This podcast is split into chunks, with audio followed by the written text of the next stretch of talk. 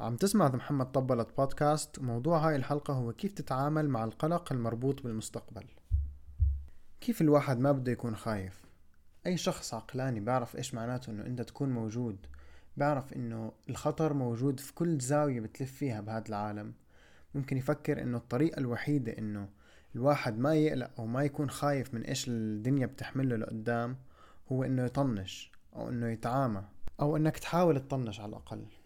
في كتير أشياء ما بتعرفها منها معرفة إيش المستقبل بيحملك وبرضه في كتير أشياء ما بتقدر تتحكم فيها بحياتك. ما بتقدر تتحكم إيش الأحداث اللي راح تيجي في طريقك. ما بتقدر تتحكم المصير النهائي تبعك أو إنك تمنعه اللي هو الموت. ما بتقدر تعرف إمتى وقتك رح يجي وما بتقدر تعرف إمتى وقت الناس اللي بتحبهم كمان رح يجي. فكيف؟ كيف أي شخص واعي ما بده يقلق أو حتى يكون مرعوب من الأشياء اللي المستقبل حاملت له إياها؟ كيف بدك تكون متأكد إنه أنت رح تقدر تتحمل وما رح تنكسر وما عمرك ترجع توقف على رجليك؟ وكيف ممكن تكون متفائل وحتى عندك أمل في عالم بضل يورجيك إنه هو قاسي وبارد؟ مش سذاجة إنك تكون متفائل بالمستقبل لما تكون شايف كيف الطرق اللي العالم بيقدر يأذيك فيها اللي هم ما بيخلصوا؟ ولما تشوف ناس غيرك كمان قاعدين عم بيعانوا بحياتهم بجميع الطرق المختلفة. فكيف المفروض تصدق إنه هيك عالم ممكن يتركك بحالك أو يتساهل معك الحقيقة إنه غالبا ما رح يتركك بحالك وغالبا رح تعاني لأنه ما في حياة بدون معاناة. بس هذا ما بيعني إنك أنت خلص تستسلم أو ما تعمل إشي عشان تجهز حالك لهدول التحديات والعقبات اللي رح تواجهها في طريقك. هذا ما بيعني إنه أنت لازم خلص تضلك على الأرض. أنت بتقدر ولازم ترجع توقف وبتقدر كمان تجهز حالك عشان تتعامل مع هدول العقبات والتحديات بسهولة أكتر عشان ما تعاني أكتر من ما أنت مضطر.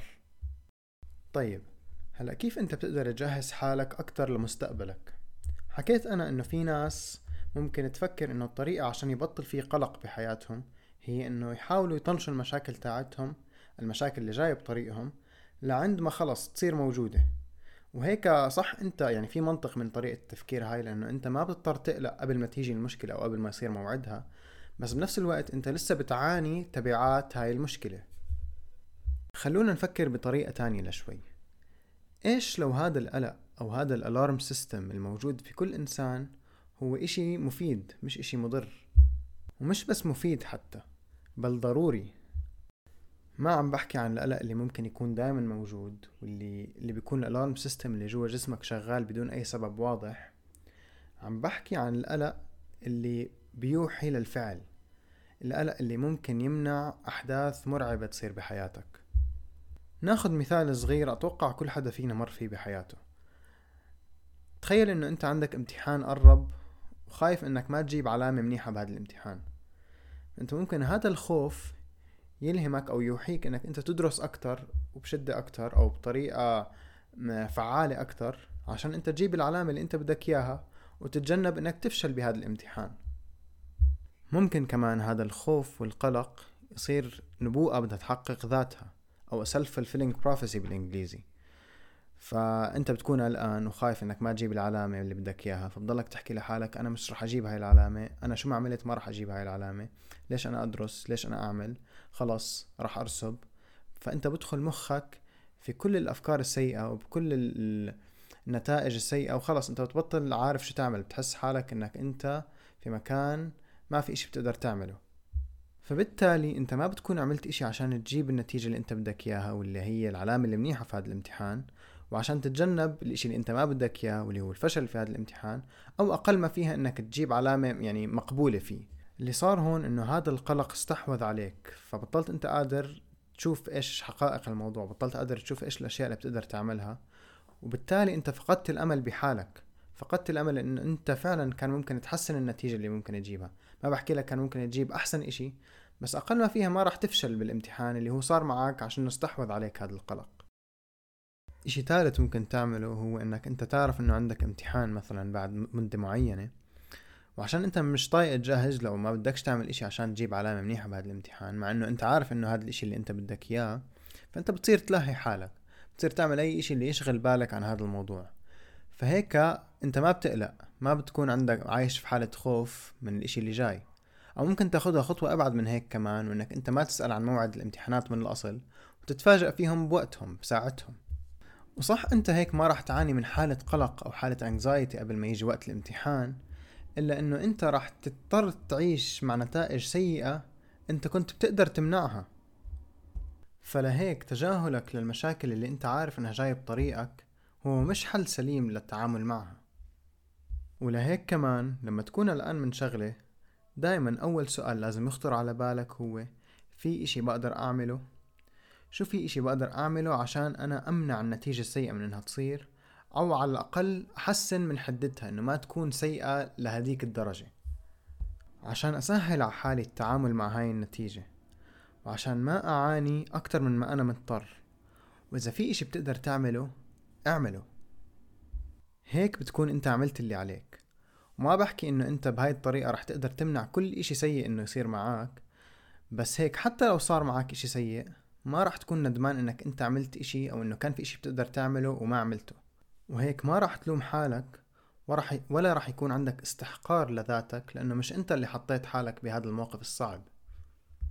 لأنه هيك فوق صعوبة الموقف اللي أنت عم بتمر فيه رح يكون عندك هم إنه أنت كان في إشي بتقدر تعمله وما عملته. وهيك رح تصير تشكك بقدراتك على تحملك لمسؤولية حياتك. وعلى تحملك لمسؤولية أمورك وعلى رح يشككك بحالك رح يشككك بالوجود تبعك كله. وممكن كمان تصير تفكر إنه أنا إذا مش قادر أساعد حالي شو فايدتي هون؟ والتعامل مع هاي الأفكار ممكن يكون لسه أصعب من المشكلة اللي أنت عم بتواجهها. فلهيك ما تتجاهلوا المشاكل اللي أنتوا عارفين إنها جاي بطريقكم واللي أنتوا عارفين إنه في إشي بتقدروا تعملوه عشان تحدوا من صعوبة هاي المشكلة. طيب إيش لو تخوفاتك أو القلق تبعك مبني على أشياء غير واقعية؟ إيش لو الأشياء اللي أنت خايف منها هي كثير أشياء مستبعد إنها تصير؟ بس الألارم سيستم تاعك اللي جوا جسمك دايما شغال وبنفس الوقت مش قادر تتحكم بالأفكار اللي عم تيجي بمخك. شو تعمل وقتها؟ هي ناخد مثال لإيش ممكن يصير جوا عقلك بهيك أفكار. نفترض إنك أنت انجرحت على إصبعك جرح صغير. أولها بتبلش تفكر إنه بتوجع وهيها صارت حمرة شوي. بعدين شوي شوي بتصير تفكر إنه إيش لو التهبت؟ بعدين تاخدها خطوة كمان لقدام بتصير تفكر إيش لو هذا الالتهاب طلع برا سيطرتي. بعدين خطوة خطوة خطوة بعدين بتصير تفكر يا الله رح يقطعوا إيدي عشان الالتهاب كتير كبر وبطلوا قادرين يتحكموا فيه وإذا ما بيقطعوا إيدي رح يصير هيك هيك هيك. كل هاي الأفكار والتخوفات وهو جرح صغير حدا تاني ممكن ما يشوفه أصلا. هيك بتكون بالواقع تبعك عم بتعاني مشاكل عم بتعاني من مشكلة من اختراعك انت. مشكلة مش موجودة أصلا. ممكن انت بتحكي إنه بس أنا ما بقدر أتحكم بالأفكار اللي بتيجي على بالي ما بقدر أتحكم وين بتاخدني كمان. بس اللي لازم انت تلاحظه إنه انت مش الأفكار تبعتك وانت مش المشاعر تبعتك. انت المراقب لهاي الأفكار ولهاي المشاعر. ومش كل فكرة بتيجي على بالك هي فكرة حقيقية أو واقعية. فلهيك لما تيجي هاي الأفكار على بالك ما تاخد إنه هاي الأفكار صح مسلمة بدون ما تتساءل فيها. لازم تتساءل في صحتها وتستفهم وتسأل حالك وتشوف. لأنه في فرصة كبيرة بهاي المواقف إنك تكون عم بتضخم حجم الموضوع في راسك. ولهيك لازم تتناقش مع حالك. لازم تاخد وتعطي مع هدول الأفكار عشان ما تخليها تاخدك وين ما هي بدها بدون ما أنت تشكك فيها بدون ما أنت تشوف هل أنت عم بتضخم الموضوع. يعني نرجع لمثال الجرحة ممكن أنت تحكي لحالك طيب اللي ممكن يصير هو إنه ممكن تلتهب آه بس ما راح يصير أكتر من هيك. أسوأ إشي ممكن يصير هو إنه تلتهب لمدة أسبوع وتوجع لي أكتر من هيك بشوي بعدين خلص يروح الموضوع كله. الإشي اللي أنا ضخمته والإشي الأفكار اللي عم تحكي لي إياه إنه هيك راح يصير وراح تنقطع إيدك هو إشي مش واقعي. فأنا ليش أخذ حالي وأعاني المعاناة زي كأنه هلأ بدها تنقطع إيدي؟ وأنا فعليا أكتر إشي ممكن يصير هو إنه تلتهب هاي الجرحة بعدين بعد أسبوع ترجع أموري كلها طبيعية. وكل ما أنت بكرت ملاحظتك لهاي الأفكار وملاحظتك لوين هي عم تاخدك كل ما كان أحسن إنك تقطع هاي السلسلة من الأفكار من أولها. بهاي الطريقة اللي هي أنت فيها عم تتناقش مع حالك وعم بتشكك بالأفكار اللي عم تيجيك عم بتورجي حالك الدليل إنه هاي الأفكار مو صحيحة. عم بتورجي حالك إنه الإشي اللي أنت ضخمته أو الاشي اللي أنت كنت خايف كتير إنه يصير هو ما رح يصير هو إشي مش واقعي. وهاي الطريقة اللي هي فيها نقاش مع ذاتك بتزبط كتير أحسن من إنك بس تحكي لحالك إنه آه أنا مش لازم أكون قلقان أو ما في إشي أخاف منه اللي هم لهدول جملتين أنا وياك أصلا عارفين إنهم ما بزبطوا. واللي عملته هون اللي هو نقاشك مع نفسك والتشكيك في صحة الأفكار اللي عم تيجيك بيتماشى مع تركك للرغبة بإنك تتحكم بكل إشي بصير بحياتك. الحياة فيها كثير أشياء غير متوقعة بالذات في زمننا زمن التكنولوجيا اللي فيه كل إشي بمشي كثير بسرعة والأشياء بتتغير بالثانية. فأنت رح تضطر إنك تتأقلم مع هدول التغيرات لما تصير مش تتحكم فيهم.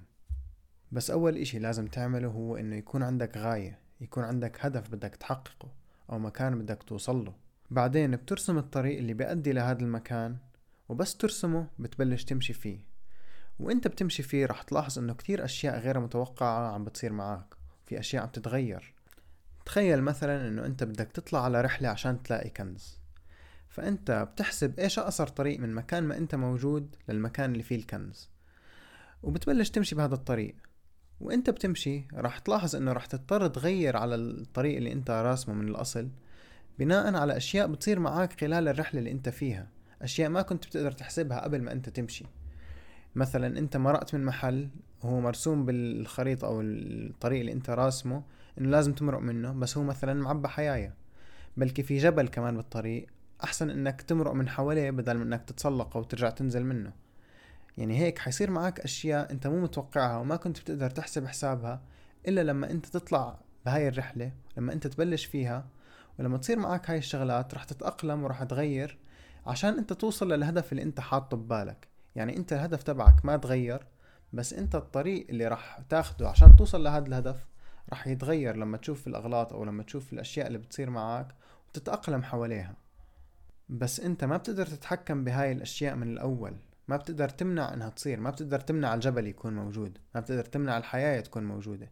ما بتقدر تمنع لو كان في نهر بطريقك إنه يكون موجود. هاي الأشياء بدك تتأقلم معها لما تصير معك مش تمنعها. والإشي اللي حكيته هو إشي كتير شبيه بمبدأ التوكل اللي هو في أنت بتعمل اللي عليك بيكون عندك غاية بدك توصلها بترسم الطريق لهاي الغاية بتمشي بهذا الطريق بعدين بتترك الموضوع بتترك تعلقك بالنتيجة اللي بدك إياها بتترك يعني رغبتك في التحكم بكل إشي بصير معك بتترك. وإشي مهم كتير إنك تكون عارفه ومآمن فيه هو إنك أنت قادر إنك تتحمل كل صعوبة بتواجهها في حياتك. انت قادر انك تتسلق اي جبل موجود في طريقك عشان توصل للهدف اللي انت بدك اياه. اي اشي اي صعوبة انت بتمر فيها بحياتك انت قادر انك تتحملها وتواجهها. لما تكون عارف هذا الاشي وجد مستوعبه كتير رح يساعدك انك انت تبطل تفكر في مشاكل مستقبلية غير واقعية أو انك تحاول تتحكم بالاشياء اللي مش مستحيل انك تقدر تتحكم فيها. لانك عارف ومتأكد انه انت قوي كفاية وانه ما في داعي تكون قلقان.